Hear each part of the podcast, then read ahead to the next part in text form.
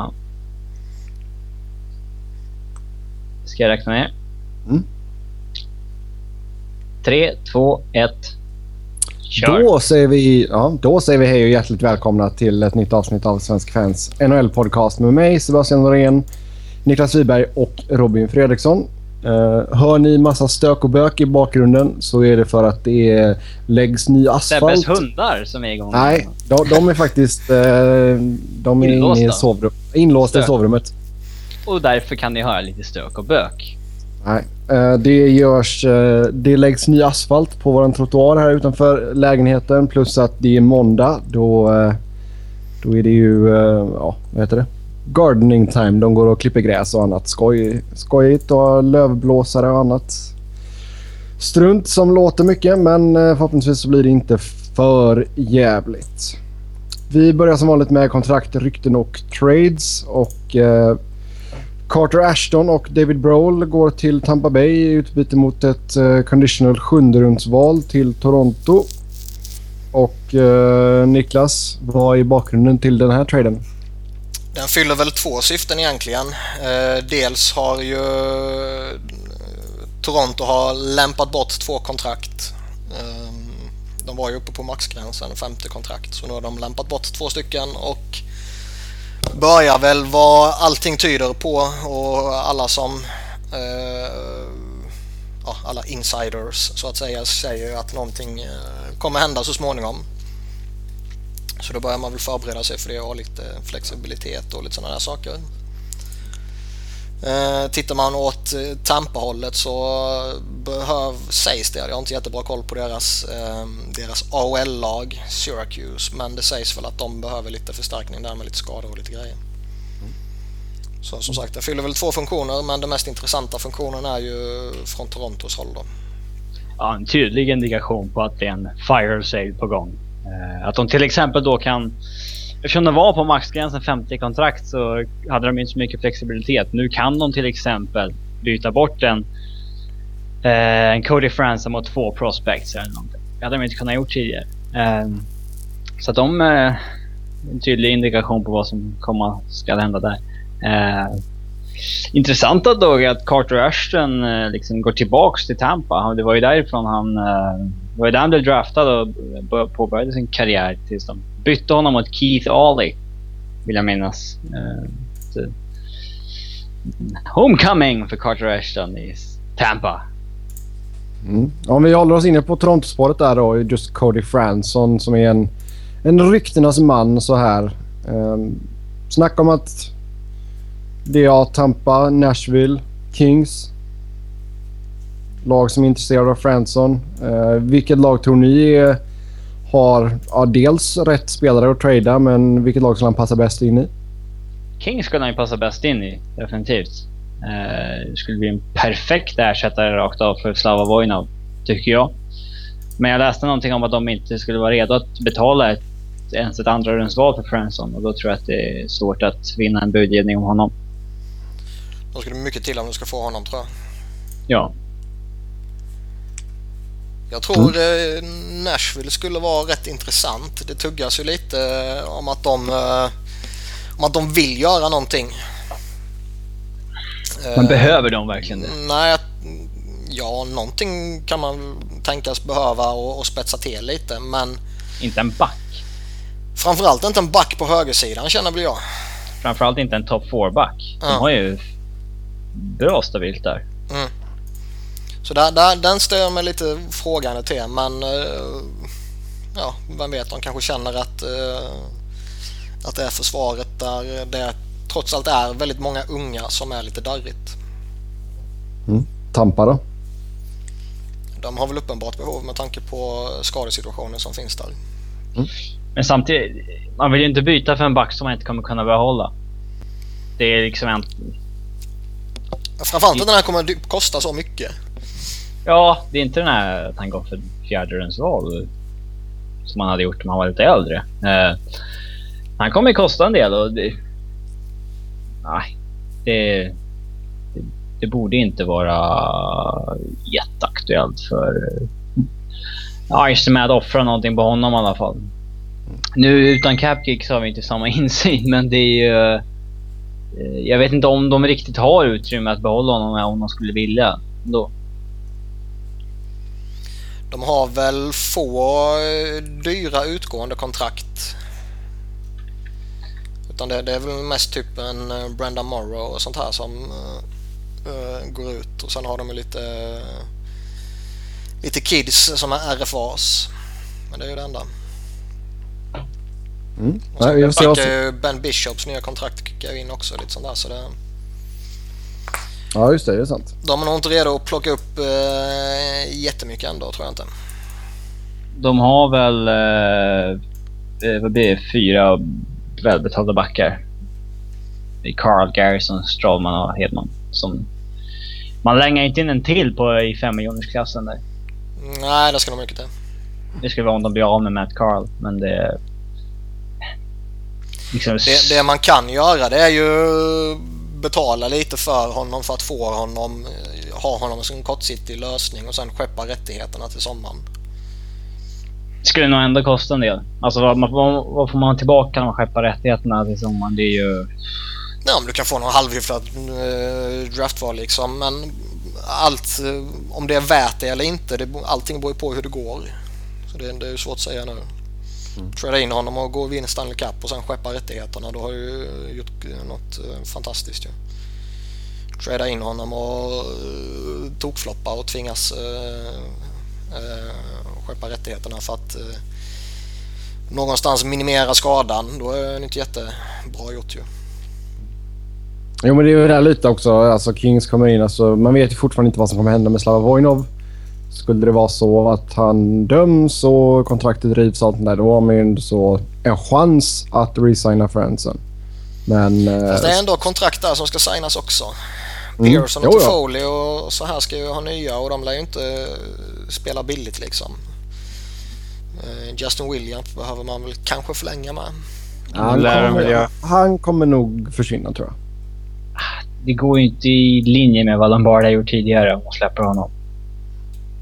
Det var ju Mm. viktigare att behålla han än liksom Green och de här som han är lojalt slängt upp kontrakt till. Nej, vi får se vad som händer. Vi stannar i Kanada och eh, rör oss vidare till Winnipeg där Evander Kane skapat rubriker igen. Eh, nu verkar det som att han har problem med en axel som ska opereras och lite annat smått och gott. Och, ja, vad, vad händer med Jets egentligen? Det, det verkar som, säger du precis som du inte tror på det här. Det är inte obekräftade uppgifter att han har opererat axeln. Nej. Nej, jag, jag tror Sebbe har en konspirationsteori på gång här. ja. Spill it out. Nej då, det har, det har jag väl inte. Men eh, ja, han är ju inte riktigt han är inte populär just nu kan man ju inte säga. Men det förstår jag inte hur, hur han kan få skit för det här.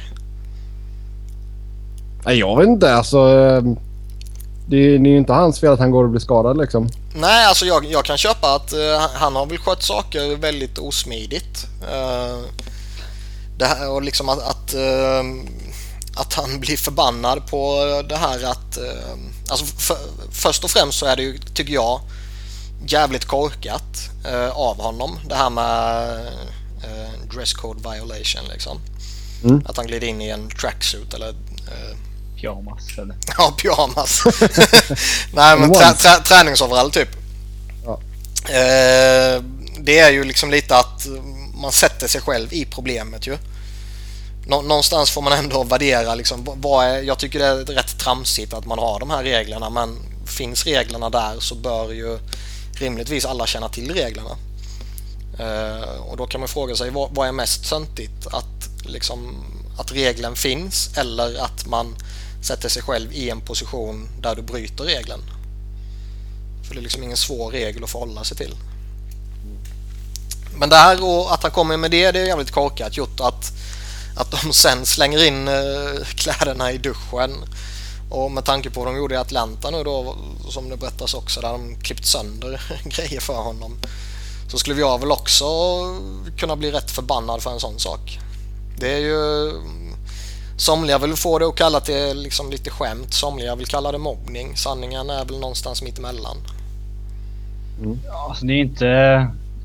Det kan inte vara, han kan inte vara unik med att som liksom ung spelare eh, har gjort någon dresscode violation och sånt där liksom. Nej, nej, alltså det, det är en skitsak. Så det, nå, någonstans så, och det är väl som Bob McKenzie och alla de här har sagt också att eh, de är väl inte jättegoda vänner i omklädningsrummet liksom.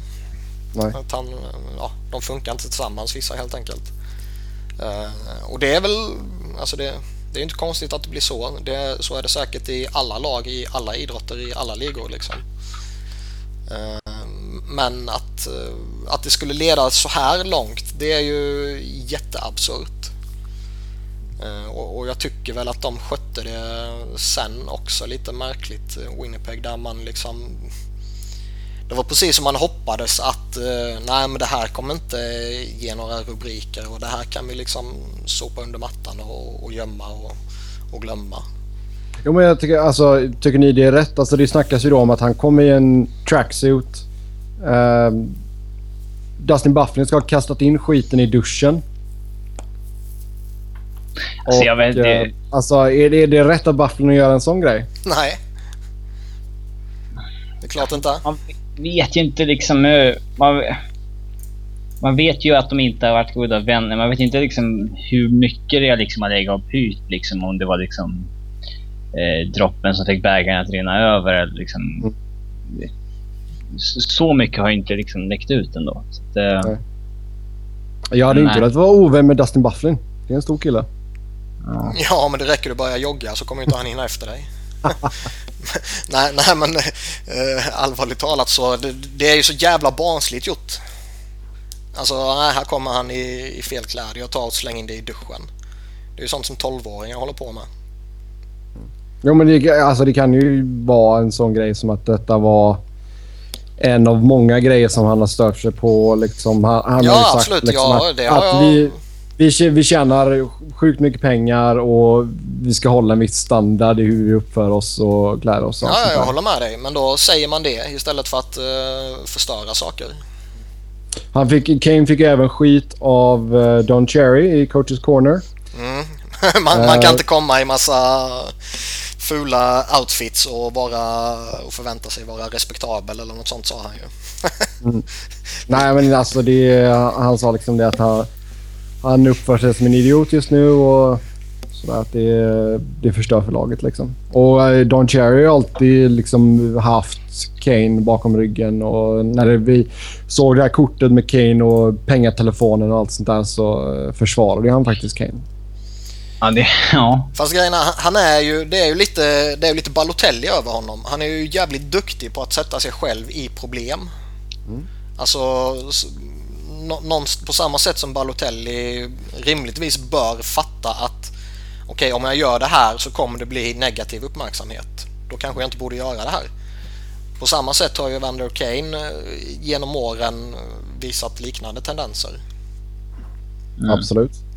Och det, det är ju någon form av eh, att man kanske inte är jättemogen i sitt uppträdande på det sättet och kanske en viss naiv attityd till, Eh, till vilken ja, förebild man är. Liksom. Men sen alltså det är ju en svår situation för Winnipeg. För jag menar Kane är ju en av deras bästa spelare. Samtidigt om han är en, liksom en cancer i omklädningsrummet eller ja, liksom att han inte kommer överens med många och att det verkligen det blir ett problem. Det alltså såna, såna här rubriker skadar ju deras förhandlingsposition ifall man skulle bestämma sig för att trada honom. Och i era tycke, tror ni att Winnipeg har liksom enough is enough och att det är dags att skeppa ut Kane? Ja, jag tror definitivt att han tradas. Alltså Ja, även ifall... Eh, även om han, de liksom inte tycker att... Nej, men vi kan nog få ordning på han så är väl liksom spricka i omklädningsrummet för stor för att eh, räddas liksom. Så att eh, det gör de väl av, av den anledningen anledningen då, men... Eh, de här traderna när man byter bort en extremt talangfull ung spelare för att man tycker att han har off-ice issues eller liksom dålig karaktär eller sådär. De, de traderna brukar man inte vinna. Ja, han sitter ju ändå så... Var Fråga han, kontrakt, Boston och Tyler Sagan. var han tre år till på sitt kontrakt. Mm. Och en capita på 5,25 som inte är Den är väl helt okej egentligen. Ja, med tanke på att det är en, eh, en, en ung och fortfarande utvecklingsbar powerforward som eh, rimligtvis bör, tycker jag, ha sina bästa år framför sig. Så tycker jag det är ett jättebra kontrakt. Personligen ja. så skulle jag gå hårt efter honom. Eh, jag kanske inte skulle göra det idag utan man vill väl, alltså det är trots allt en, en snubbe som opererar axeln och kan vara borta i ett halvår. Då, då vill du gärna ha lite lite utlåtanden från läkare och grejer och du kanske inte vill göra traden en eller två eller fem dagar efter operationen bara. Eh, men annars har du ett lag där den här säsongen är körd så ser inte jag några problem att eh, kanske göra en trade redan innan trade deadline om ja, tre veckor nu. Mm. Jag, ser, jag skulle vilja trada för han idag liksom ifall jag inte hade, om jag hade ett lag som ändå inte ska gå till slutspel liksom. Det är inte det är inte jättekonstigt att Philly nämns, alltså Philadelphia nämns mycket här för de har ju alltid haft det där skrikande left wing behovet och... Eh, Bob McKenzie säger ju att intresset från Flyers är ljummet. Ja, det är lite... Men där är frågan också, alltså det, det har pratats extremt lite, som, eller det har varit extremt lite som har sipprat ut från Flyers eh, sen Ron Hextall tog över. Eh, så man kanske sitter och pratar flera timmar med Winnipeg om det här. Det, men att man mörkar. För de, de har lyckats rätt bra där. Hade du gillat en one-two punch med Kane och Simmons där? Ja, det är klart. Uh, däremot tycker jag väl lite så att ska du ta in Evander Kane, för jag tror fortfarande att även om jag är helt övertygad om att hans egentliga värde, om man säger så, har minskat lite nu. Mm. Med tanke på hela den här situationen så tror jag fortfarande att han kommer att vara väldigt dyr att plocka in. Och ska du offra alla de här tillgångarna för att ta in Evander Kane så tycker jag att du bör ha en riktigt bra center och sätta honom jämte. Absolut. Och det har inte Flyers. jo, det har, det har Flyers i allra högsta grad. Men ta typ Vancouver där det pratas lite om dem. Eh, eller rätt mycket till och med beroende på vem du läser. Så känns det lite som, okej okay, ta in Evander Kane, betala jättedyrt och sen sätta honom jämte Bonino typ.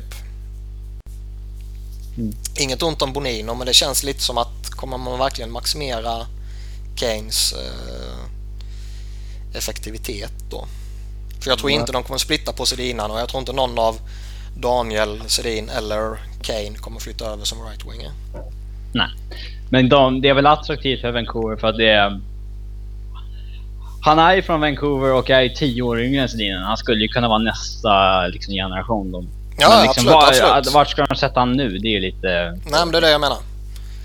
Uh, så det, där, det, det, är väl den stora grejen. Flyers hade ju varit perfekt. Han hade ju inte kunnat misslyckas om han får liksom sättas med Giroux och Voracek. Nej, nej, och det finns liksom ett uppenbart hål i powerplay också i, uh, i slottet. Så det, det, det är och ju... de kan trada för honom nu för de har ändå ingen slutspelsjakt och de skulle egentligen bara tjäna kanske på att ge upp någon bra resurs nu och hamna lite längre ner i tabellen. Uh, okay. alltså, jag, jag, enda jag, frågan är vad Winnipeg skulle vilja ha. Vill, vill de ha... Det pratas ju lite om att de vill ha en back. Men det vet jag inte om det behovet är liksom superstort ändå när du har Enström, du kan slänga ner Big Buff, du har Bogosian, du har Stewart och Truba och så vidare som ändå är en stabil försvarsbesättning men plockar du bort Kane från deras forwardsbesättning så ser det ju genast lite tunnare ut. Och frågan är, kommer de nöja sig med typ en Braden Chen i så fall? Ja. Plus något annat också givetvis. Ja, men Chen ja. och någonting mer låter väl... Bröderna Chen liksom. Det är mm. och någonting mer.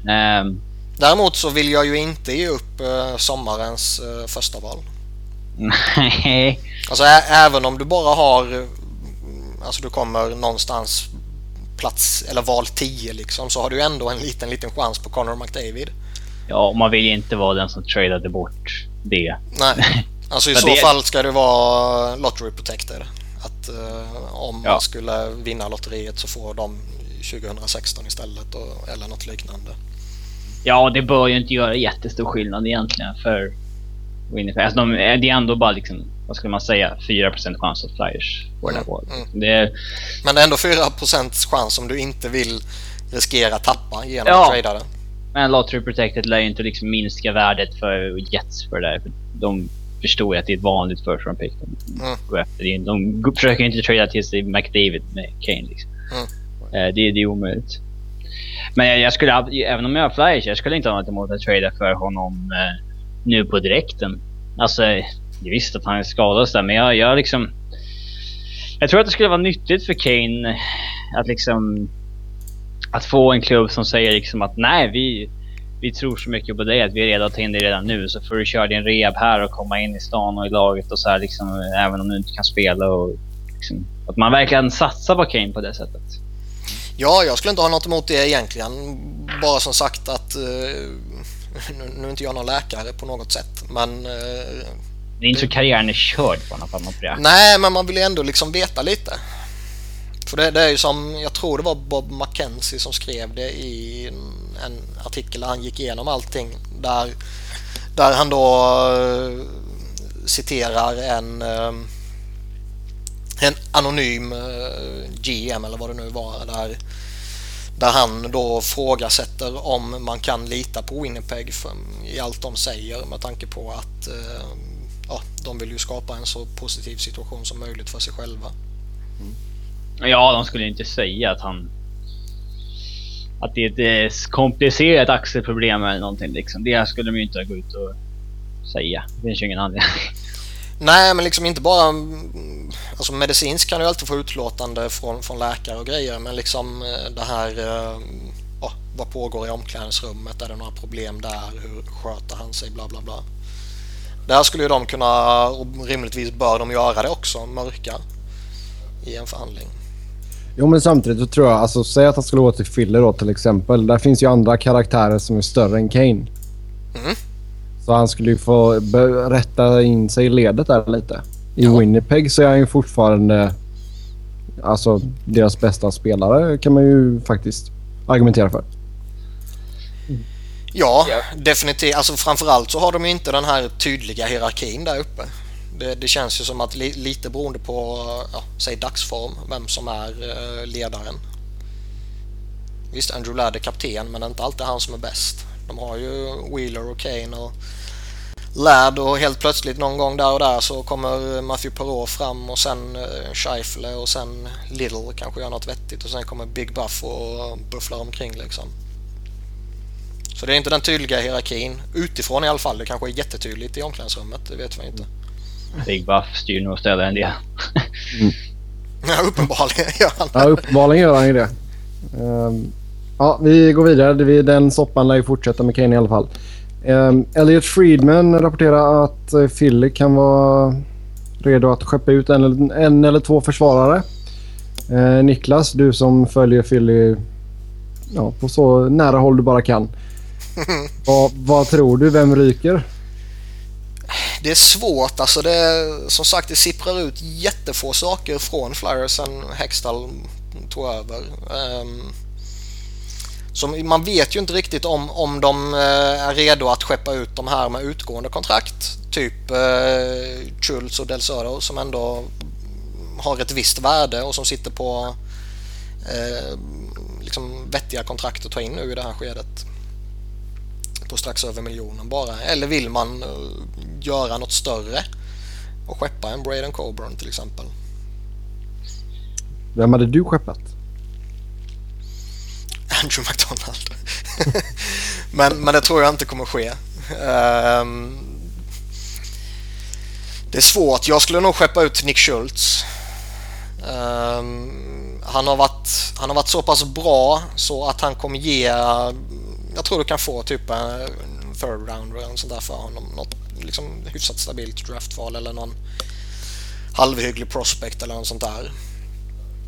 Eh, man är inte så pass bra så att han är helt ovärderlig att förlänga med. Eh, så det, det är väl den som jag eh, tror eh, skulle vara mest sannolik. Eh, I den bästa av världar så lyckas man skeppa Niklas Grossman också. Eh, jag tror det är möjligt men jag är inte helt säker på att man vill göra det. Craig Bruber verkar ju älska honom. Mm. Ja ja, det är svårt att säga som sagt när det inte läcker ut så mycket. Ja, kanske inte skulle... Hextall, Hextall har lärt sig, lärt sig bra Kings där. Ja, nej men alltså det är ju en fördel med att inte lägga ut så mycket. Sen kanske eh, han pratar med alla 29 lagen dagligen mer eller mindre, det vet man ju inte. Eh, men, men då någonstans, liksom, även om han har lyckats knyta ihop säcken hemma så bör det ju ändå vara så att när han pratar med andra lag så bör ju det kunna komma ut på det hållet liksom. Så frågan är hur mycket han diskuterar då. Så jag vet inte. Det, det, det är jävligt svårt att säga. Eh, det positiva är ju att han inte har gjort den här paniktraden ännu som Homer skulle gjort för några, någon eller några månader sedan. Ja, han hade ju gått efter någon av de tillgängliga som är inte bra på riktigt. Men typ Vermette, hårt eller någonting. Mm. Eh, Mm. Som McDonalds. Jo. Mm, vi får se där vad Hextall hittar på. Anaheim ryktas om att man är sugna på Tyler Myers från Buffalo. Mm, vad tycker ni? Skulle Myers passa in i Anaheim? Ja. Va? Jag är ju helt övertygad om att han är, eh, att han är bättre än vad han visat upp i, i Sabres. Jag tror att eh, placerar man in honom i ett, eh, i ett bra lag så tror jag han kommer göra väldigt bra ifrån sig. Har inte han lyft sig rätt rejält i den här säsongen framförallt också? Jo, han, han är helt okej nu. Eh, Om man nu kan vara det i, i det laget denna säsongen. Ja. Men han, han är mer eh, respekterad nu där. Han hånas ju inte lika mycket som han gjorde tidigare trots att det går åt helvete för laget. Eh, Så jag, jag tror definitivt att, att han skulle kunna fylla en väldigt stor funktion hos dem. Och de har ju också eh, spelare att kunna skeppa till Buffalo. De har rätt många unga på uppgång, både forwards och backar. Och de har ju också sin core satt, så de kan ju offra något draftval här och där också. Ja, ja nej, vi får se där. Vad tror ni att eh, Buffalo skulle begära i ett utbyte då? Vi vet ju att när Detroit frågade om mig så ville de ha Dylan Larkin och Jakob Kindle. Så att eh, en roster player och en eh, A-level prospect verkar det som. Mm. Och sen är det alltid, brukar det alltid bli lite mindre än vad man förväntar sig. Ja, de kan ju ta en sämre roster player. Mm. Men eh, jag skulle väl inte bli jätteförvånad om eh, Anaheim typ skulle offra en eh, Smith Pelly eller Silverberg eller Rakell eller något sånt där. Ja, Plus, nej, plus något se. annat då. Ja, det är mycket spekulationer nu när vi börjar närma oss trade deadline med stormsteg. Eh, Chris Neal i Ottawa. Uh, visst intresse från eh, Nashville och Chicago ryktas det om. Ehm, ja, det är helt sjukt. Mm. Han är så jävla dålig. Ja. ser ni han passa in i något av de här lagen? Alltså. Nej. Eh, Nej, alltså jag förstår inte det här ryktet. Jag förstår inte överhuvudtaget hur han kan vara intressant. Alltså, Är det, är det, Chris Neals agent som har spritt detta ryktet? ja, men det, det verkar ju vara, eh, kan man, kan man säga, ett rykte så här på riktigt liksom. Men, Ja. men, men det verkar ju finnas någon form av substans i det hela. Och, och det är helt sjukt för han är så jävla kass. Han är så gammal. Han klarar inte av den rollen som han hade tidigare. Han bara gnäller numera och, och, och så här. Och, och så har han ytterligare ett år kvar på sitt kontrakt också. Hade han varit pending i UFA hade han fortfarande liksom på sitt gamla goda rykte kunnat liksom... Eh, ja men liksom det är en väldigt rutinerad spelare för den där rollen. Liksom. Det, Ja, ja. Pending Eh. UFA skulle jag kunna köpa. Att det ryktas lite om honom. Nu är det bara jätteudda. mm. Han kommer med capita på 1,9 liksom. Du vill inte ta in en värdelös spelare på 1,9 med ytterligare ett år kvar. Ja, det är konstigt. Ottawa vill även göra sig av med eh, David Legwand och ehm, är det möjligt att göra det? Ja, solid center och vi såg ju vad Detroit betalade för honom i fjol. Det var ju en extremt andrahandsval, Kalle Järnkrok och eh, Patrick Eaves va. En bra liksom... de- Det var ett jättedyrt pris. Att han bör ju kunna gå för något liknande i år då. Jag tror att det skulle finnas en, eh, en bra marknad för honom om han skulle haft utgående kontrakt. Nu har han ett år kvar och det kommer väl kanske skrämma bort något lag här och där. Eh, han har ändå tappat en del. Men, men eh, ändå en, en helt okej okay center. Mm. Ja, vi får se som sagt. Eh, Montreal sägs vara intresserad av Mike Green. Uh, McGreen är väl den backen som Washington kan tänka sig att offra. Uh, vad ja, tror de måste här? väl... Alltså, usel asset management om de inte släpper honom. Så att, uh. Jag har lite svårt att se uh, hur Montreal ska lyckas få in Mike Green i sitt uh, väldigt dyra lagbygge. Alltså det är fortfarande en back som kommer landa på en oh, 6 mil eller någonting i capita i sommar. Så att... Eh... Jag ser väl inte riktigt behovet av honom heller. När du har Subban som kommer fylla, eller som redan fyller exakt den rollen som Green har haft tidigare. Eller har nu. Offensiv backa på uppgången, Nathan Bulger också. Ja, eh. och du har liksom en Markov som kan fylla i. Jag tror väl inte Gonchar kommer vara kvar där direkt, men alltså jag ser väl andra behov som skulle kunna fyllas innan man går efter Mike Green och slänger upp de pengarna som Robin snackade om. Mm. Absolut. Sen en annan back som det surras om är ju Sibinik Mihalek i Arizona. Och uh, där snackas det lite om Sharks, Blues, Red Wings och Ducks. Ja, eh, det skulle vara... Det är, ju, det är ju lag som ser honom en hel del också så de vet ju vad det är för typ av spelare de får i alla fall. Ja, ja, det skulle vara jätteintressant att se honom i blues om du kan Hitchcock och det, det systemet de lirar där. Det känns som att det skulle kunna falla honom i smaken rätt bra. Eh, annars känns det väl lite Detroit, ja de behöver en back men är det verkligen den där backen de behöver? Eh, San Jose lite, visst han skulle fylla en jättestor funktion där men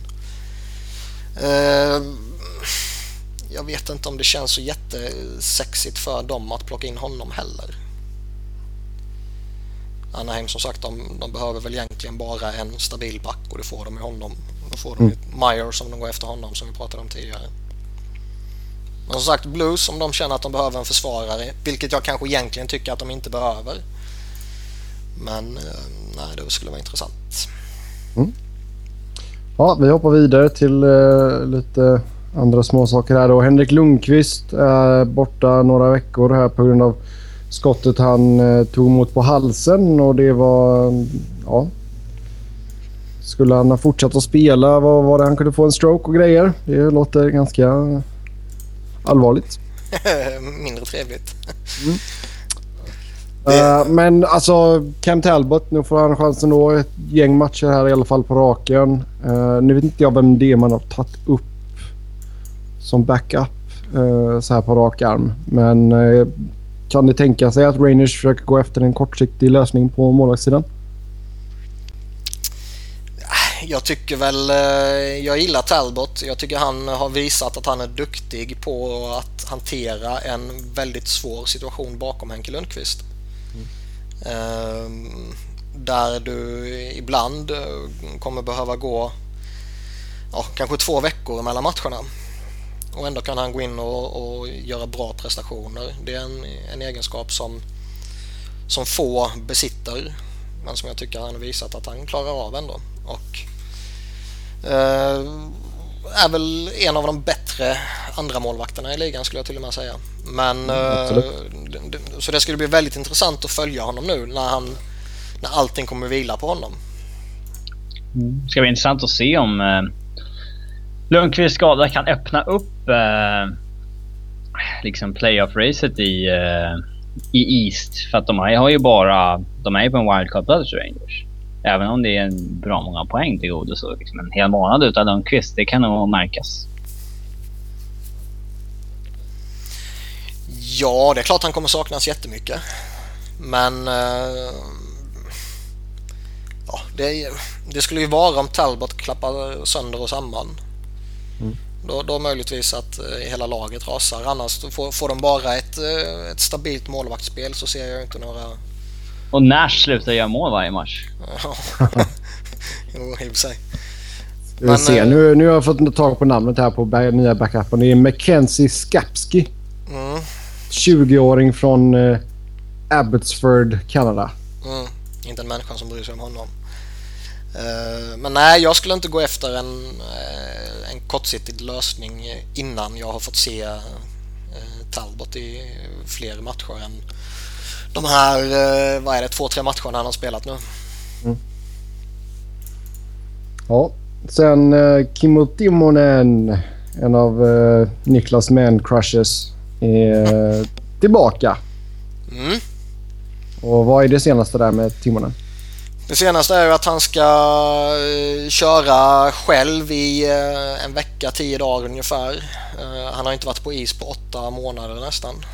Eh, Så han ska köra, köra där eh, ja, en dryg vecka och den därefter hoppa in med laget i eh, en vecka eller två och sen liksom i princip vara redo för spel igen. Om allting går väl då, det, det ska väl tilläggas också. Det, kan väl mycket väl bli ett bakslag här någon gång känns det som. Mm. Men eh, de har ändå sagt att eh, riskerna för honom är minimala. Eh, och jag tror väl inte att man skulle riskera något sånt här om, eh, om det var en överhängande fara så att säga. Mm. Sen är det, det intressanta med honom är ju med vilket syfte han gör comeback. Om det är det här att ah, men jag vill avsluta karriären på mina egna eh, termer. Att eh, jag vill inte avsluta skadad utan jag vill avsluta på isen och jag vill avsluta med Philadelphia för Ja, då larvar han sig. Eh, Nja, det vet jag inte om jag tycker det är larv. Jag kan tycka det är eh, rimligt ändå att man vill gå ut på det sättet. Ehm, han har ju ansökt om sånt här green card heter det va? Om att få bo kvar efter karriären och han verkar inte vilja slita upp familjen och allt sånt här så han kanske bor kvar i Philadelphia. Och man vet aldrig med de här gamla. De, ibland så vill de ju inte flytta bara under två, tre månader ens. Nej.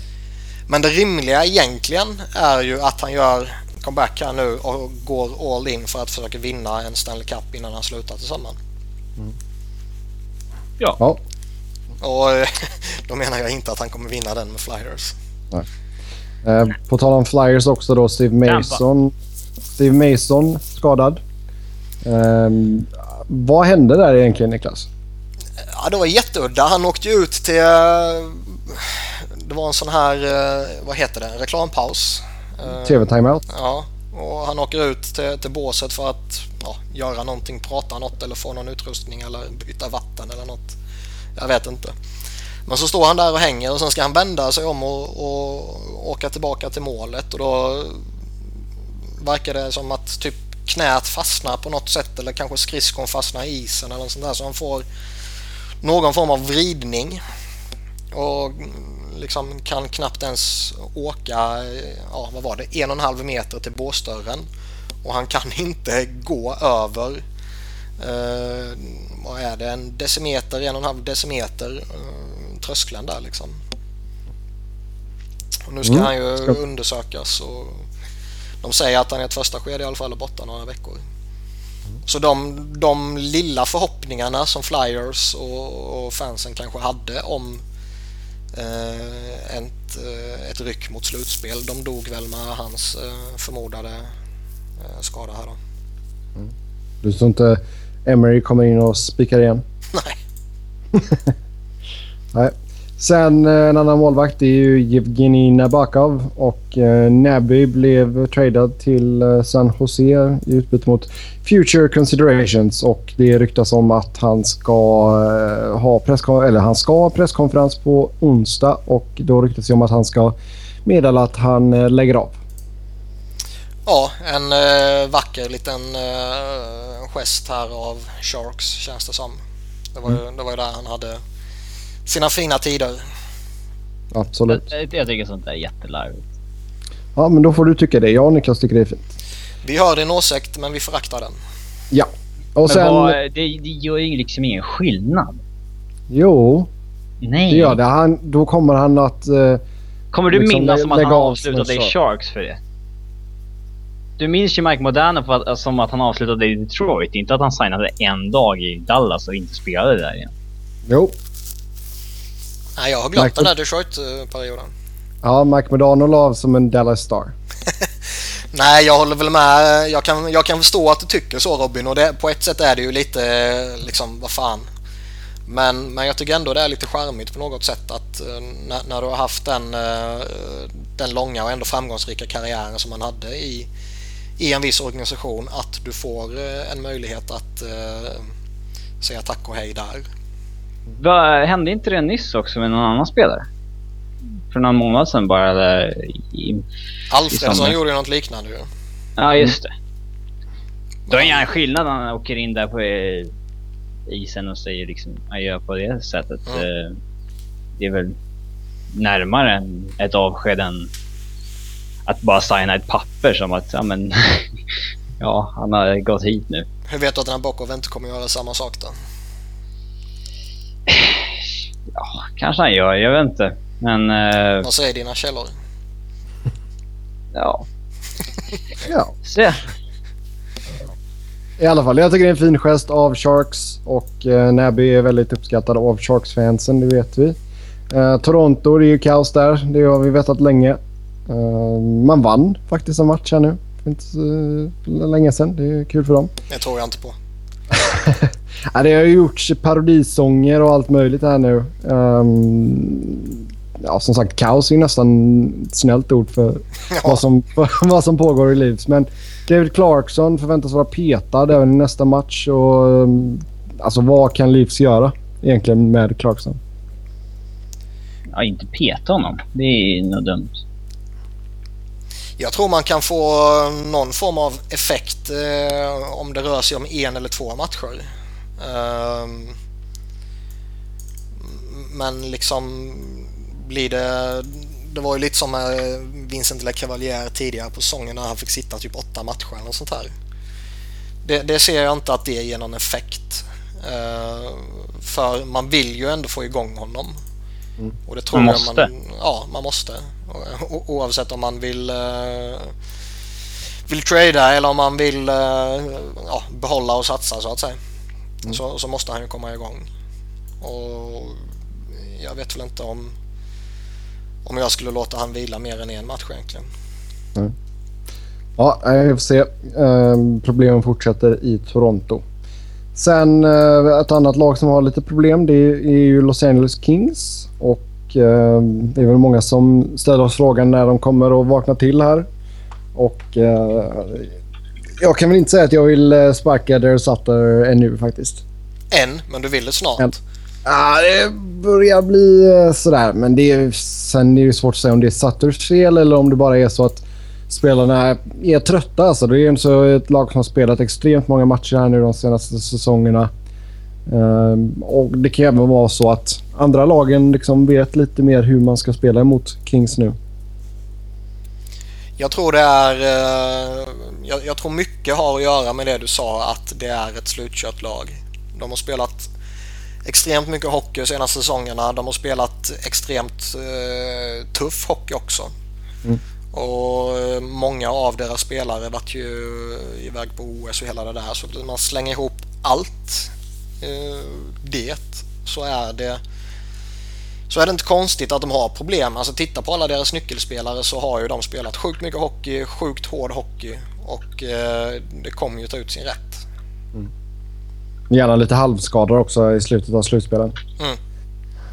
Och det är, det är liksom, får du inte, alltså får, får du flera säsonger i rad där du har eh, en kort sommar. Eh, givetvis vill du ju ha en kort sommar för det innebär att du har gått långt i slutspelet. Men har du flera sådana säsonger på rad så eh, tror jag att det kommer påverka dig på ett negativt sätt. Och sen alltså, kan vi inte bortse... Jag tycker inte man kan bortse från hela Slava Voinov-grejen också. Liksom, det är ju ställt till det försvaret och... Ja, men det är inte bara Mm. en bra spelare som är borta. Det måste ju ha, alltså, det måste ju mm, påverka på något sätt i ett omklädningsrum också. Jo, och sen jag, för jag tycker inte försvaret har inte sett lika bra ut. Och det, visst, just nu ligger man bara på minus ett i målskillnad, men det, defensiven brukar se bättre ut. Quick har väl varit relativt avståelig också på slutet. Mm. Mm, nej, så det, det är svårt att sätta fingret på en grej, men jag tror att trötthet absolut spelar in där. Sen är det ju fascinerande. Nu vann man ju en match här men man har ju haft lika få bortasegrar som Buffalo och Edmonton. Alltså fem mm. stycken. In i, Nej, man har varit, början på februari. Det, det, är helt sjuka grejer rikt, egentligen. Rikt, riktigt dåliga på bortais. Ja, ja. Och eh, sen har man ju varit katastrof i straffläggningar också. Ja, och liksom det var ju en, Nu har man klättrat upp till tionde plats i Western Conference men det var ju en man var ju nere två placeringar längre ner än tidigare. Och det, är ju... det var ju bara Arizona och Edmonton som var efter ett mm. Och det, det, är, alltså det är jättegalet. Det har inte varit liksom så mycket snack om Kings skitsäsong förrän alltså för de senaste två veckorna kanske. Men på något sätt, man, man är ändå van vid att det ser ut så här. För det har ju fan sett ut så här varenda säsong. Att de har lite problem här och där och går liksom typ tio matcher och gör tre mål totalt eller något sånt där. Och sen lyckas de knockla sig in i, i slutspelet så går de till minst eh, konferensfinal. Ja. Jo, men jag tror, alltså, jag tror väl att vi visste ju att Central Division skulle vara riktigt bra i år. Uh, att Pacific ändå så skulle ha både Vancouver och Calgary med så här långt. Det, det vet jag inte om det är jättemånga utanför de två städerna och deras fanbases som, som trodde faktiskt. Nej, men 56... Alltså jag, Jo, 56 poäng är inte bra, men jag tror, jag tror fortfarande att man, att man trodde att man kunde halvglida lite på en räkmacka och ändå så ta liksom tredjeplatsen i Pacific. Ja, det tror jag nog. Det fanns ju ingen riktig utmanare, kändes det som. Man visste inte riktigt vart man hade Vancouver sådär, men det kändes inte som att någon skulle kunna utmana California-trion. Nej. Nej, och sen Cal Calgary, alltså de ska ju ha jätteeloge här med hur de har spelat under hela säsongen. Mm, jag tror inte att de når slutspelet, men se. Nej, nej, men det, det kanske de inte gör, men alltså även alltså upp, till den, upp, upp till nu så alltså jätteeloge. Det är ändå ett lag som är uttalad rebuild liksom, så det, det är ju bra för dem liksom. Oh ja. uh, Nej, så vi får se. Uh, Lombardi får väl hitta på någonting här nu. Jag vet inte om Cody Fransson är uh, lösningen på alla deras problem, men det skulle ju absolut hjälpa. Han får ringa till Ron Hextall och plocka över Niklas Grossman och styra upp försvaret lite. Ja, nej tack. Uh, vi går vidare då och vi ska snacka lite av era ämnen, lite lyssnarämnen och vi ska ta ut varje lags MVP.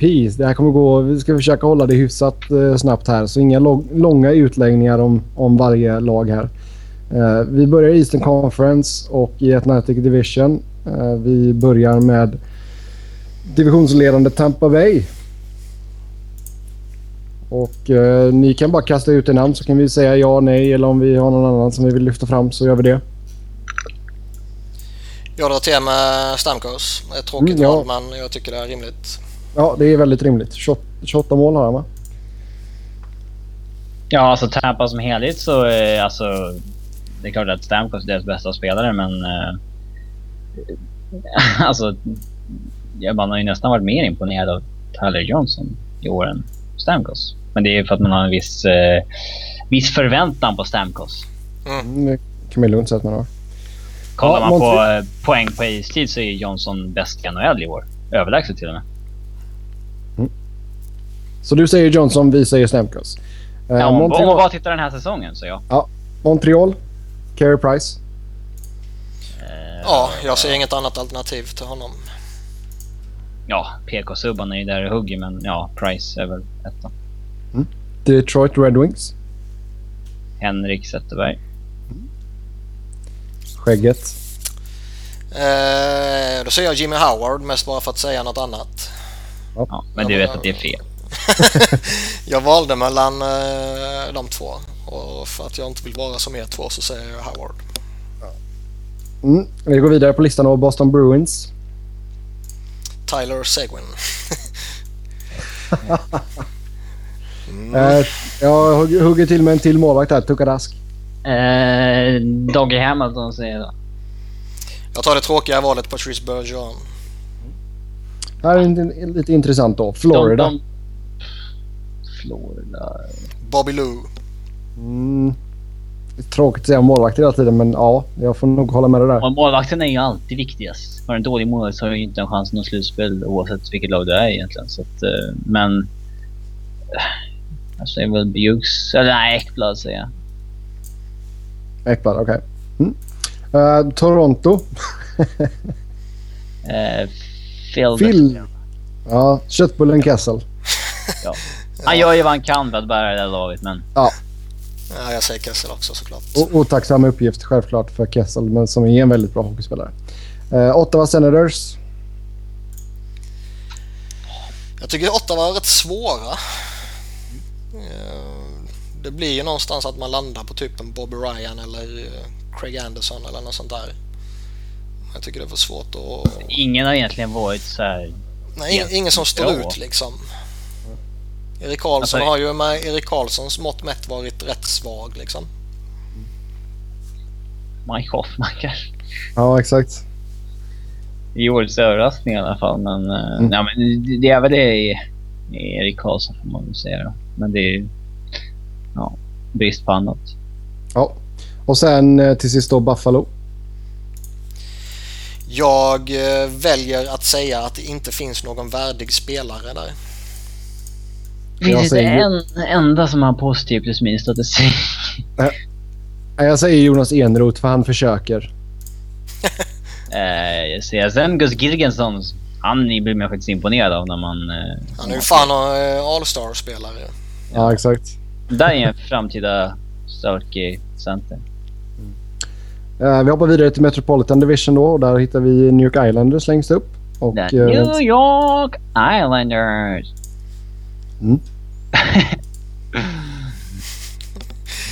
Jag... Eh, det känns ju som att Tavares har styrt upp det lite nu mot slutet. Annars var han lite sådär.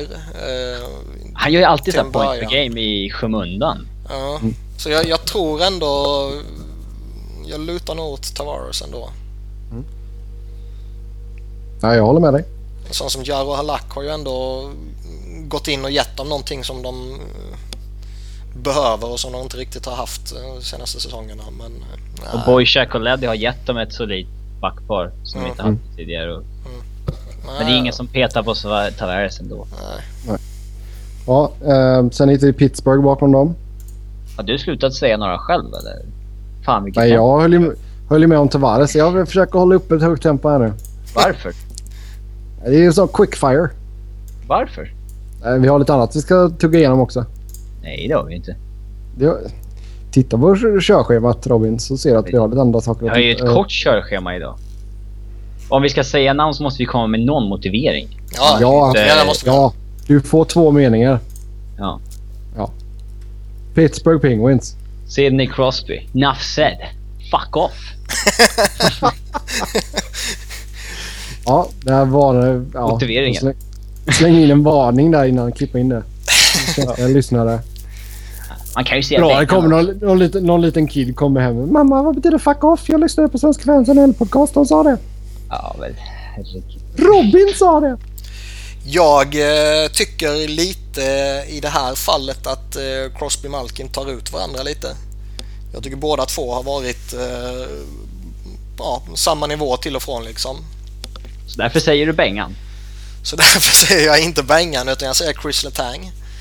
Eh, till stor del för att han givetvis själv har varit bra men framförallt så har han varit bra när eh, vissa andra backar har av olika anledningar fallit bort lite.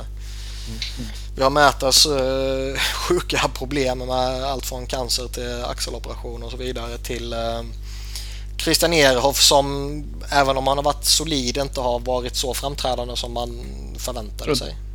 Nej, Samma sak med Paul har- Martin har väl också varit lite sådär liksom. Ja, Man kan, alltså även om de... Alltså Crosby har ju egentligen inte gjort sin bästa den här säsongen.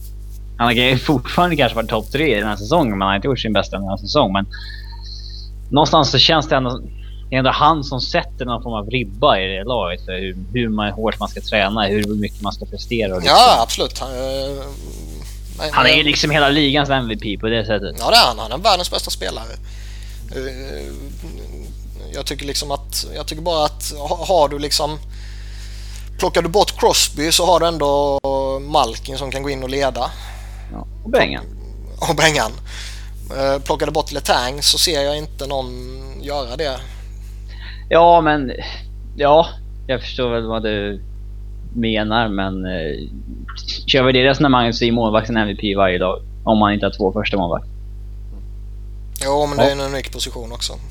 Ja. Får jag, får jag gå vidare nu eller?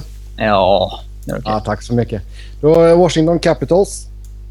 Eh, Ovechkin. Också Ja. nafsel fuck off egentligen. Det är ju... det är också ganska... Men jag, den, den där är ju given. jag säger Braden Holtby. Ja, gud. Jag För- säger, jag säger Eric Fair. Nej, jag, jag tycker Ovechkin visst, absolut, han gör sina mål och han är eh, jätteduktig på det. Eh, men det har han alltid gjort. Nu har de fått eh, ett målvaktsspel som de inte alltid har haft. Ja, Holtby har varit okej. Ja, eh, New York Rangers. Rick Nash. Mm. Rick the Dick. Han... Eh, det är lite att Sverige kyrkan att inte säga Lundqvist om man sitter i en svensk podcast, men Lundqvist hypas för mycket i Sverige, det måste vi säga.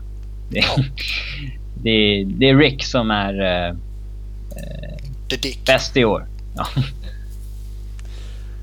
Ja, vi kommer få någon sån här explicitetsvarning på iTunes den här veckan. Eh, Philadelphia Flyers. Där kan ju Niklas få säga sitt. Jag säger Claude Giroux. Inte Skoracek alltså, eller eh, Mason. Nej, eh, alla tre är väl rimliga alternativ men eh, nej, jag landar på Giroux ändå. Han är ändå eh, katalysatorn i precis allting.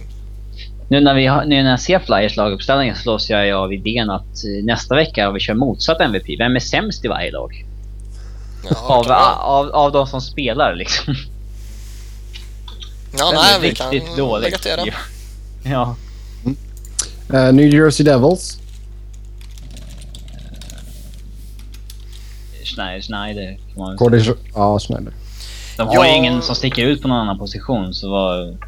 Alltså det är klart att Jagr är Jagr sådär men det, han är inte direkt point per game eller så. så alltså, Jag, var, jag är inne lite på Mike Camilleri. Han har 7 av 18 mål ändå matchvinnande. Det är lite sån här på tal om stå ut liksom. ja men det är en piss-stat det där. Det måste man ju säga. Ja, men ändå liksom jag tycker den är... Har, om, du, om du har 3 eller 5 är ju skitsamma, men om du har 3 eller 7 är ju rätt stor skillnad. Ja. Vi säger Corey Schneider. Du säger då Mike Camilleri. Eh, Columbus.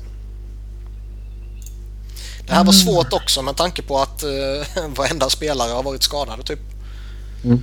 Eh, så jag, jag har svårt att liksom peka på en som har varit eh, framträdande på det sättet. Uh, nå, någonstans vill man väl ändå landa på Nick Foligno med tanke på hans uh, målkavalkad. Mm. Ryan, Sen Ryan är det- Johansson är väl med i snacket också. Jo, det absolut. Scotty Hart, no. Nej. Nej. Nej men Bobrovski kan man ju inte säga. Han har inte riktigt varit så här super, super, super bra. Eh, Nej. då, är, då är det ju Folina eller Johans. Mm, Hartnell kan vi säga grattis också. Han ska ju spela sin tusende match här i natt. Eller gjorde han det igår? Jag vet inte. Nej, tusen matcher för Hartnell i alla fall. Det är starkt. Bra jobbat. Uh, sist men inte minst då i Eastern har vi ju Carolina.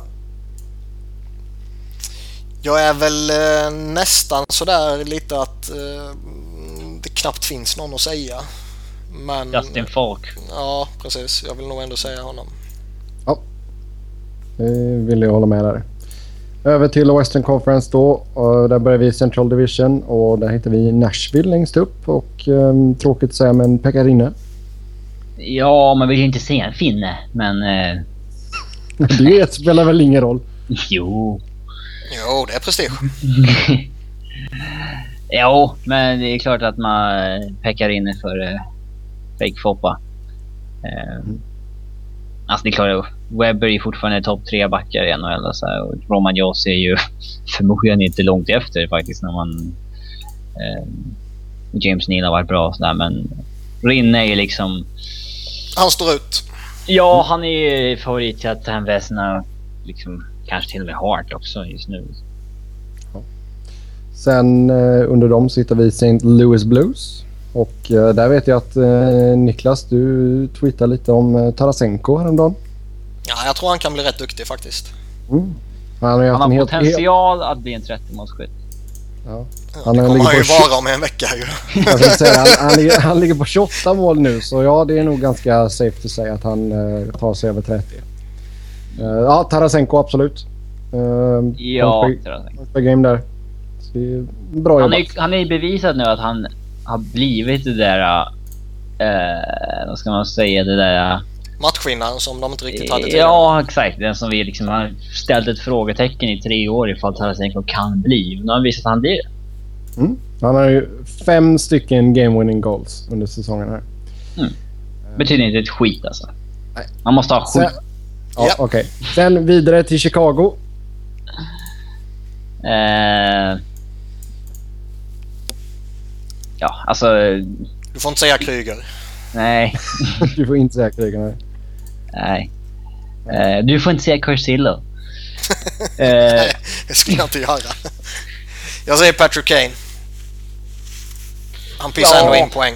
Han är den offensiva katalysatorn liksom. Det är, det är klart att det är Taves som är den viktigaste spelaren i det här laget. Speciellt eftersom de inte har en riktig center bakom honom. För, ja, förutom. Och- Men liksom Shaw är egentligen ingen center och Brad Richards är ingen andra center sådär. Men det är... Ja. Taves är viktigast men Kane är bäst. Vidare till Winnipeg då, som vi pratade lite tidigare om. Det är lite som vi pratade där att det, de har ju ingen, inte den här tydliga hierarkin och, och det märker man väl här också tycker jag. Att det, det finns inte en eller två spelare som står ut på det där sättet. Eh, Utan det är väl flera stycken egentligen. Men jag tror ändå jag landar på Andrew Ladd. I år är faktiskt deras målvakter kommit från ingenstans och varit... Hade Hutchinson spelat lite mer, vilket han har förtjänat, så eh, hade det varit han. Men nu skulle jag väl säga eh, Big Buff. Ja, Dustin Bufflin. Eh, 13 mål, 23 assist och 101 utvisningsminuter. Det är fan Han är fan inte, han är inte dålig som back, även fast vissa vet på det. det är, Men han mobbas. Mm. Det är inte bra. han mobbar alla... Ja. Ja, mobbar. Mobbar gör han. Ja, ja det är det jag menar. Ja. Ja, eh, Han kanske Minnesota. mobbas också. Ja, det är mycket möjligt. Minnesota. Eh, Devan Dubnek kanske. Man vill ju säga honom. För jag Ja. tror ju inte de skulle haft kontakt med slutspelsplatserna nu om det inte vore för honom. Mm. Men han har ändå varit där lite för kort tid känner jag. Ja, det är klart man kan. Men det är... Ja, han har ju verkligen varit grym. Man kan inte säga vad han slutar, han har bara ett mål. Fan, John Scott ju fler. Eh, Nej, alltså, det, är väl du, alltså, det är ju synd att inte Dubnik har spelat mer matcher för dem. Ändå så, jag menar, nio starter, sju vinster, fyra nollor. Ja, nej, han var- var sjuk på honom. Alltså, Man det är är- ju helt galet. ja, man, är, man önskar ju egentligen Dubnik lite lycka också eftersom det vore kul om liksom Edmonton Reject blev jättebra eh, efter Edmonton när de har fortsatta problem på målspositionen. Mm. Eh, men eh, annars får man väl säga Zach Parise. Jo. Så drar ju... Ja, ett mål är fan kasta. Det, är- det, det, Han, för, han, han, han blir trött. Han spelar för många minuter. Det är Eh. noterbart dåligt dock. Vidare då till eh, Dallas och eh, Tyler Seguin. Ja, jag säger också Tyler Seguin. Ja. Eh, ben ligger lite efter i produktionen för att han ska utmana. Mm. Klingberg däremot, han utmanar ju. Mm, Klingberg har gjort det bra. Vi ska prata lite mer om honom lite senare i programmet. Sen har vi Robins Colorado. Mm. Ja. Jag, alltså, jag, jag skulle väl säga Eric Johnson kanske. Varlamov då? Eh, ja, det är klart att han är väl en av ligans bästa målvakter. Ja, han har ju, hans siffror nu är ju mycket bättre än de var i början på säsongen, men... han är ändå orsaken till att de har haft lite kontakt i slutspelet på slutet. Så att, ja, egentligen får man väl säga han. Eh, eh, tycker jag. Men han var ju lite efter där i början. Alltså, Det är väl det som gör att... Faller bort lite. Men jag vet liksom... Alltså, svårt att säga... Ska man säga Tangay liksom? Ja, nej. I- Men, Mm, vi bestämmer oss för Valamov där då. Över till Pacific Division och där börjar vi med Anaheim Ducks. Och eh, mm, det blir gnällröven för min del. ja, Getzlaff. Ja. Eniga där. San Jose. Oj. Jag landar nog på Pavelski där ändå. Mm, Jag har sett lite San Jose i år faktiskt. Inte så mycket som man brukar. De har alltid varit underhållande att titta på men... Ja, Jag gillar ju Brent Burns är jag Ja, förtjust i också. säga det. Han har klivit Brent- ner där Brent. Burns, absolut. Han är, han är ett monster. mm. På ett bra sätt. Ehm, ja, jag får nog säga Brent Burns där. Eh, Vancouver. Går det, får man ta Sedinerna som är en enhet där eller? Nej, du måste välja en. 43 poäng på 51 matcher, båda två. Jag säger Ryan Miller. Ja, han har gjort det bra. En duktig målvakt. Sedinarna eh, är ju trots allt inte lika bra som de var tidigare. Nej, och det ska de få skit för. Ja, sen eh, Calgary. Giordano. Mark Giordano. Jag kommer ihåg när... Eh, var ett år sedan så satt ju Niklas här och hånade James Myrtle för att han hade med Giordano i Norris-snacket. Men nu är det nästan han som borde vinna. Eh, ja men alltså det, det beror väl på också lite vad du, eh, hur det går för ditt lag. Ja men Ja, Norris. ja, ja. Jo, men alltså förra året så kan jag förstå ifall Niklas var lite kritisk till det. Ja, men... Ah, Det ska, lagets prestation ha så mycket med Norris att göra? Ja. Nej men lägg av. Lägg ägg! Det är inte Hart vi snackar om ens. Det. Det är klart, alltså Shea...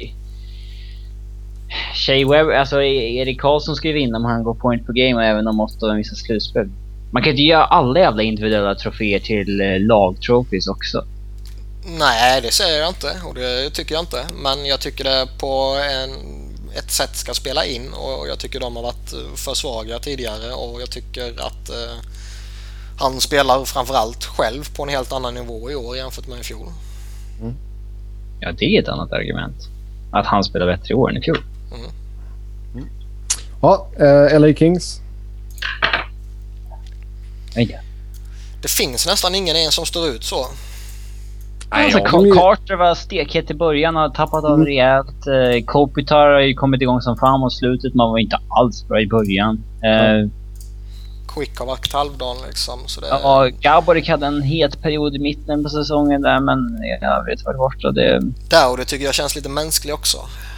ja, han har inte stuckit. Alltså, Dustin Brown är ju skit numera.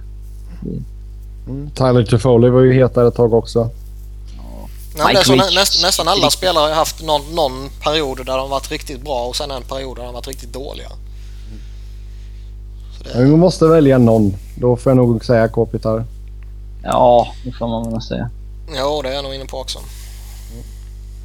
Ja, sen har vi Arizona Coyotes. Och ehm, ja. Devin Dubnyk. ja, jag jag får väl ändå säga Oliver Ekman Larsson där. Och eh, Om, om, om jag inte får säga Dubnyk så säger jag Ekman Larsson. Det går inte en vi- podd utan lite Oliver Love. Han har sj- sju stycken game winning goals. Det var väl kriteriet va? Japp. Ja, det var Eh, bra. tre, tre stycken i, i eh, overtime också. Ja, det är bra. Mm. Eh, Oliver är duktig. 16 mål. 16 mål än så länge. Det är nytt personligt rekord för... Det ser alltid Larsson. lite konstigt ut när en back har fler mål än assist. Märkligt. eh, Det ser alltid lite konstigt ut när en back leder laget i målskytte också. Mm. Webber har vi Eh. gjort det några gånger i Nashville. Ja. Sist men inte minst Edmonton Oilers. Jag säger som eh, med Buffalo, det finns ingen spelare som förtjänar att nämnas. Nej, i år kan man inte ens pusha för Hall. Mm. Nej, vad ska man ta? Eb- Ebbeli har väl stått upp bäst i skiten i år tycker jag. Mm. Men det Ja, det är, det är ju svårt ju- att säga så. det är svårt att ge någon titeln liksom. Mm. MVP. Det, Mm. Eh, vi säger väl Eberle där då. ja, jag säger fall. Ja. Det var det. Uh, vill ni att vi ska ta eh, en omvänd, eh, alltså lagets värsta spelare av de som har spelat tillräckligt mycket så eh, får ni begära det i kommentarerna. Sen ett annat lyssnarämne då. Bästa backen i egen zon. Vem skulle vi helst sätta ut på isen när det gäller att hålla tätt bakåt i, i slutet av en match när man leder med 1-0? Och eh, en kort motivering varför? I varje lag. Nej, Nej, inte i varje lag. Jag säger Shea Weber.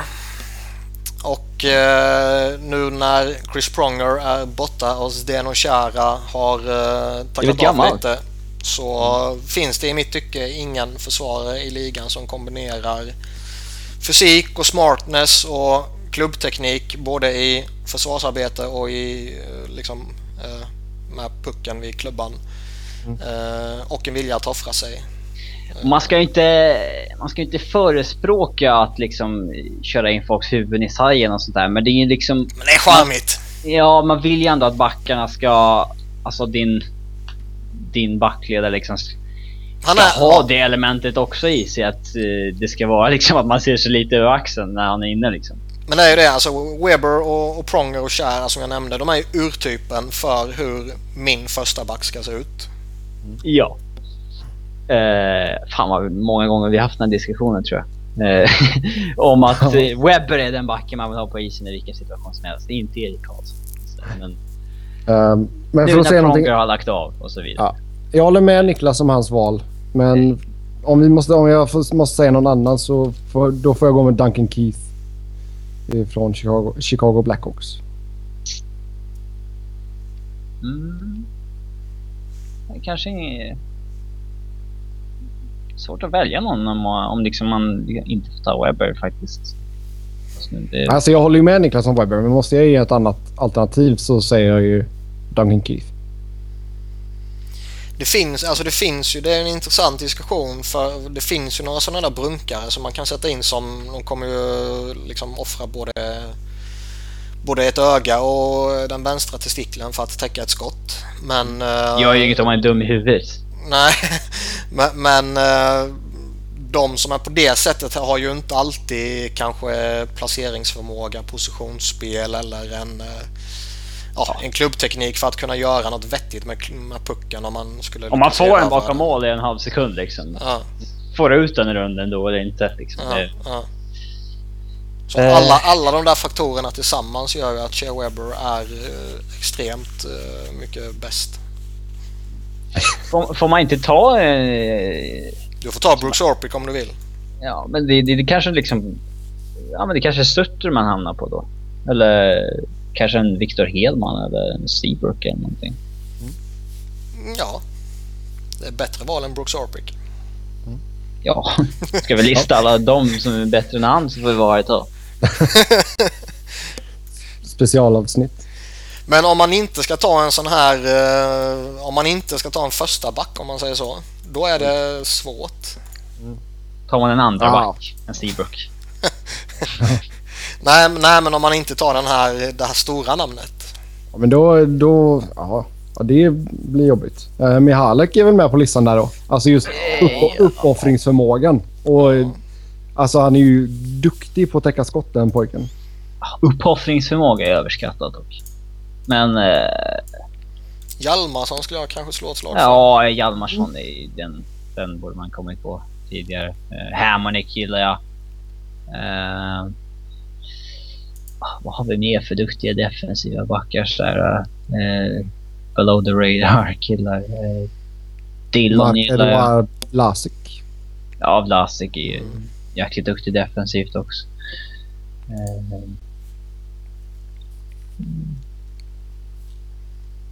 mm. Ja. Ryan McDonough. Ja, McDonough är också första, duktig. Först, första back. Ja. Eh, ja. Men som sagt. Det Man tvingas alla- ta en dålig back då.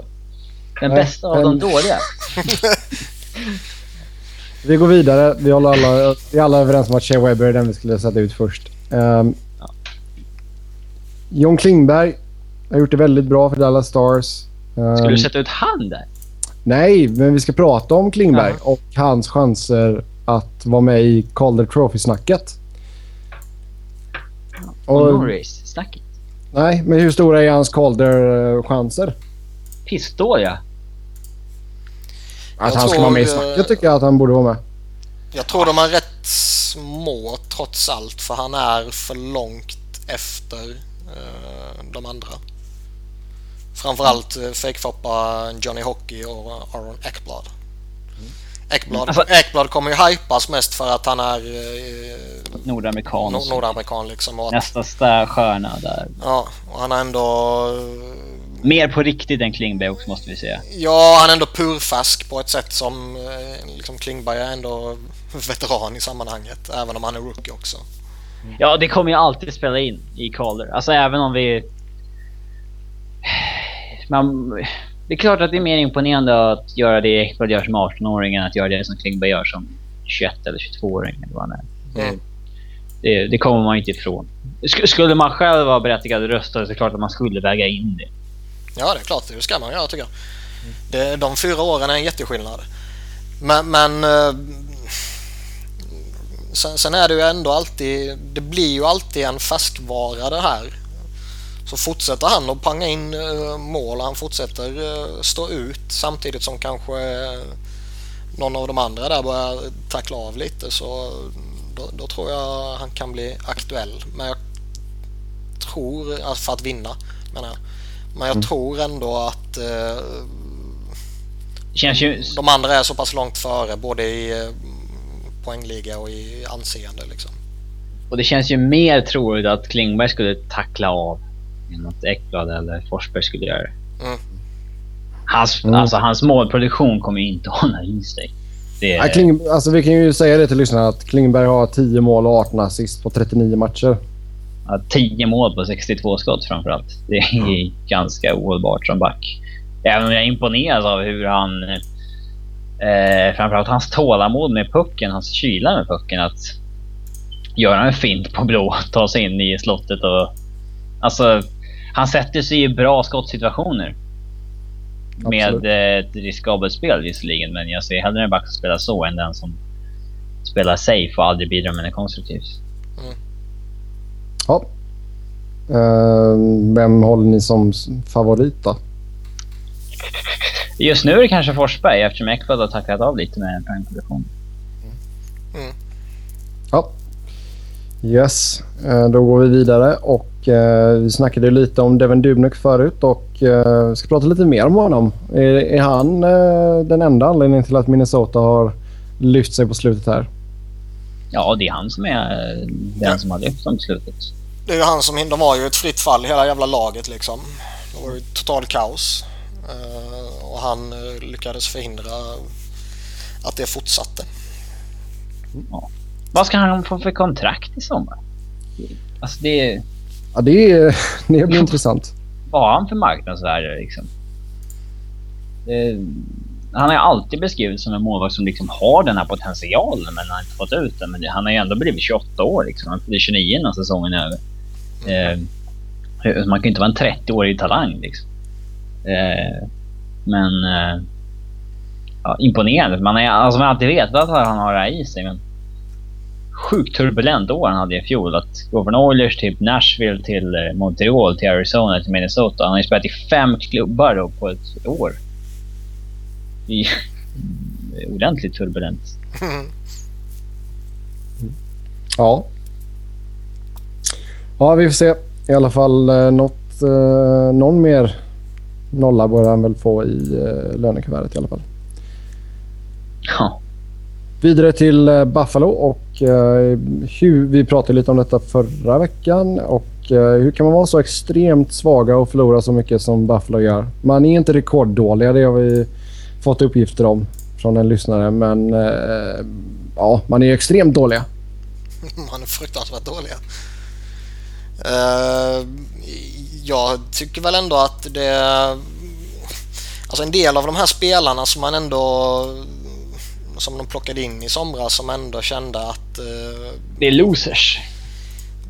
Nej, men inte losers. Men som man ändå kände att nej, men jag tror ändå de kan fylla en funktion hos dem och så vidare. Typ Brian Jonta. Han har varit skitdålig ju.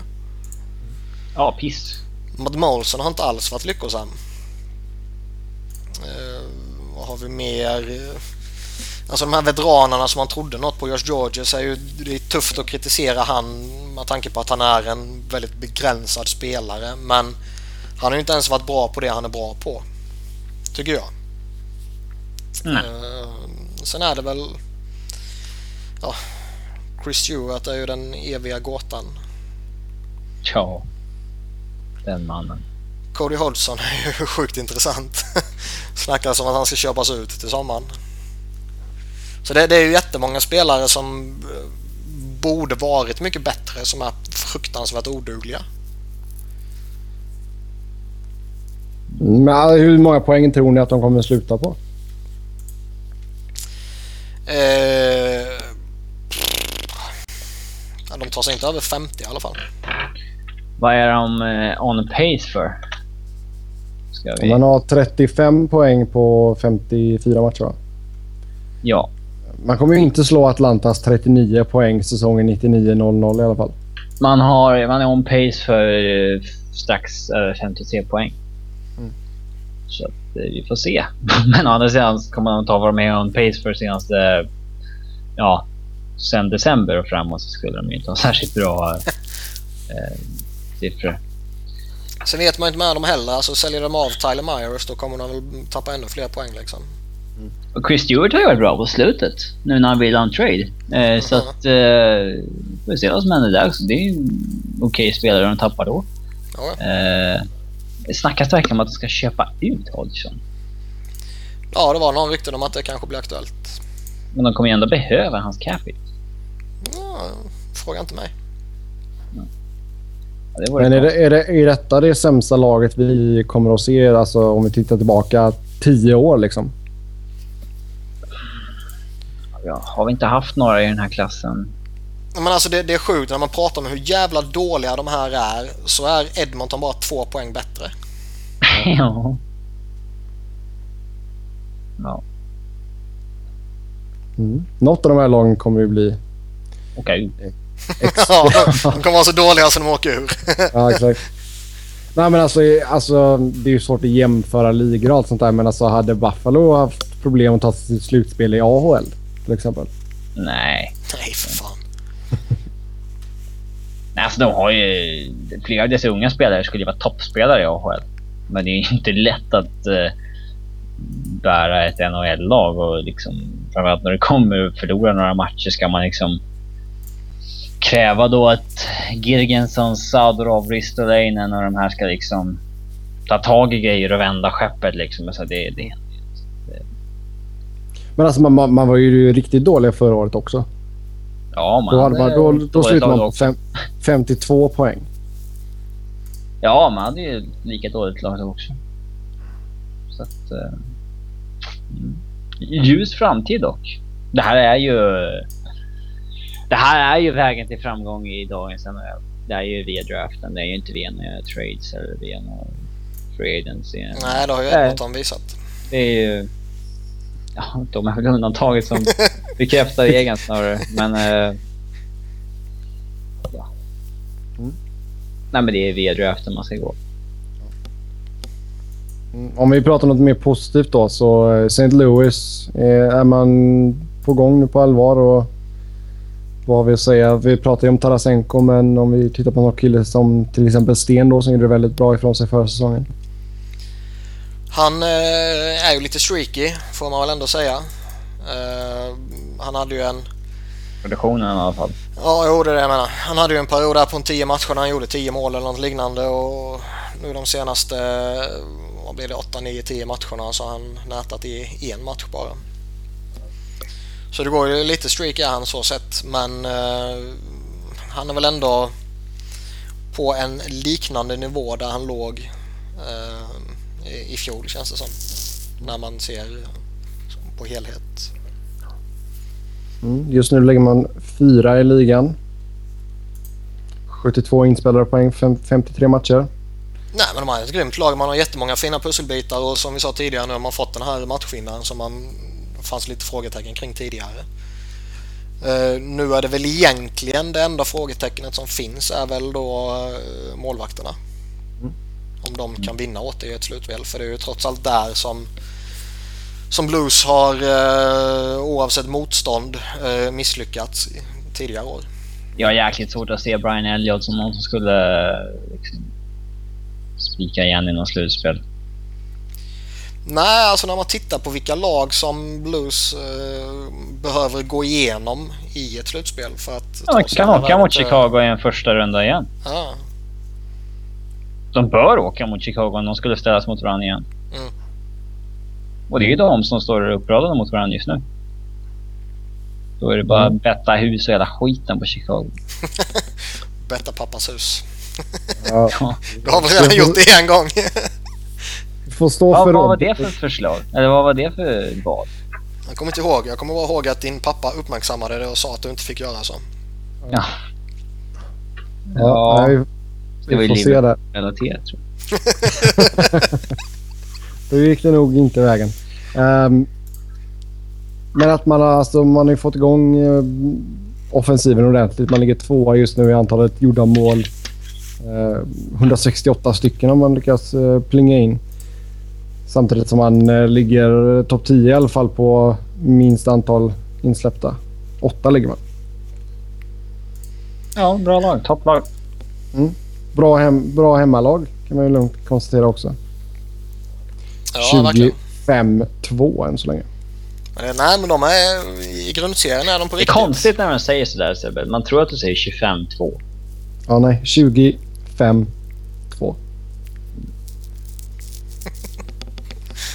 ja, det är tur du är tydlig Robin. Mm. Men nej, men det är som sagt, de har visat att man är ett lag på riktigt i grundserien. Eh, nästa steg de måste ta och eh, det, det, är ju liksom att gå långt i ett slutspel och då menar jag inte att de kanske måste gå och vinna hela skiten. Men... Man tycker att de har lag för det, det här djupet liksom och... Ja, de har laget, de har bredden, nu har de spetsen för det också. Eh, som sagt, frågan är målvakterna och... Eh... Du skulle nog mer tro på Jake Allen som en sån som kan liksom göra en Cam Ward den här skiten. Eh... Mm. Alltså gå mm. in som ung målvakt i slutspelet och spika igen. Mm. För våra yngre lyssnare. Mm, ja, exakt. Undrar vad Cam Ward någonting är. För våra det är inte att vara en medioker lyssnare. Det, är inte, det innebär inte att vara en medioker målvakt bara. För våra yngre lyssnare som är lika gamla som Robin. Exakt. Lite rimligt. jag är ändå 24 år för dig som lyssnar. Cam Ward slutspels... Eh, eh, ja, insats i ja, nio säsonger sedan nu. Mm. Det har gått ut för ända sen. ja, uh, faktiskt. han pikar alltså som rookie. Han, pi han pikar som rookie. Med det så säger vi tack och hej för den här veckan. Som vanligt så kan ni snacka hockey med oss via Twitter. Mig hittar ni på att Noren. Niklas hittar ni på Niklas Wiberg, Niklas med C och enkel V och Robin på R underscore Fredriksson. Kom gärna med, med mer lyssnarförslag så försöker vi ta upp det i programmen framöver. Tills nästa vecka, ha det gött. Hej! Och vem är sämst i NHL? Få reda på det nästa vecka.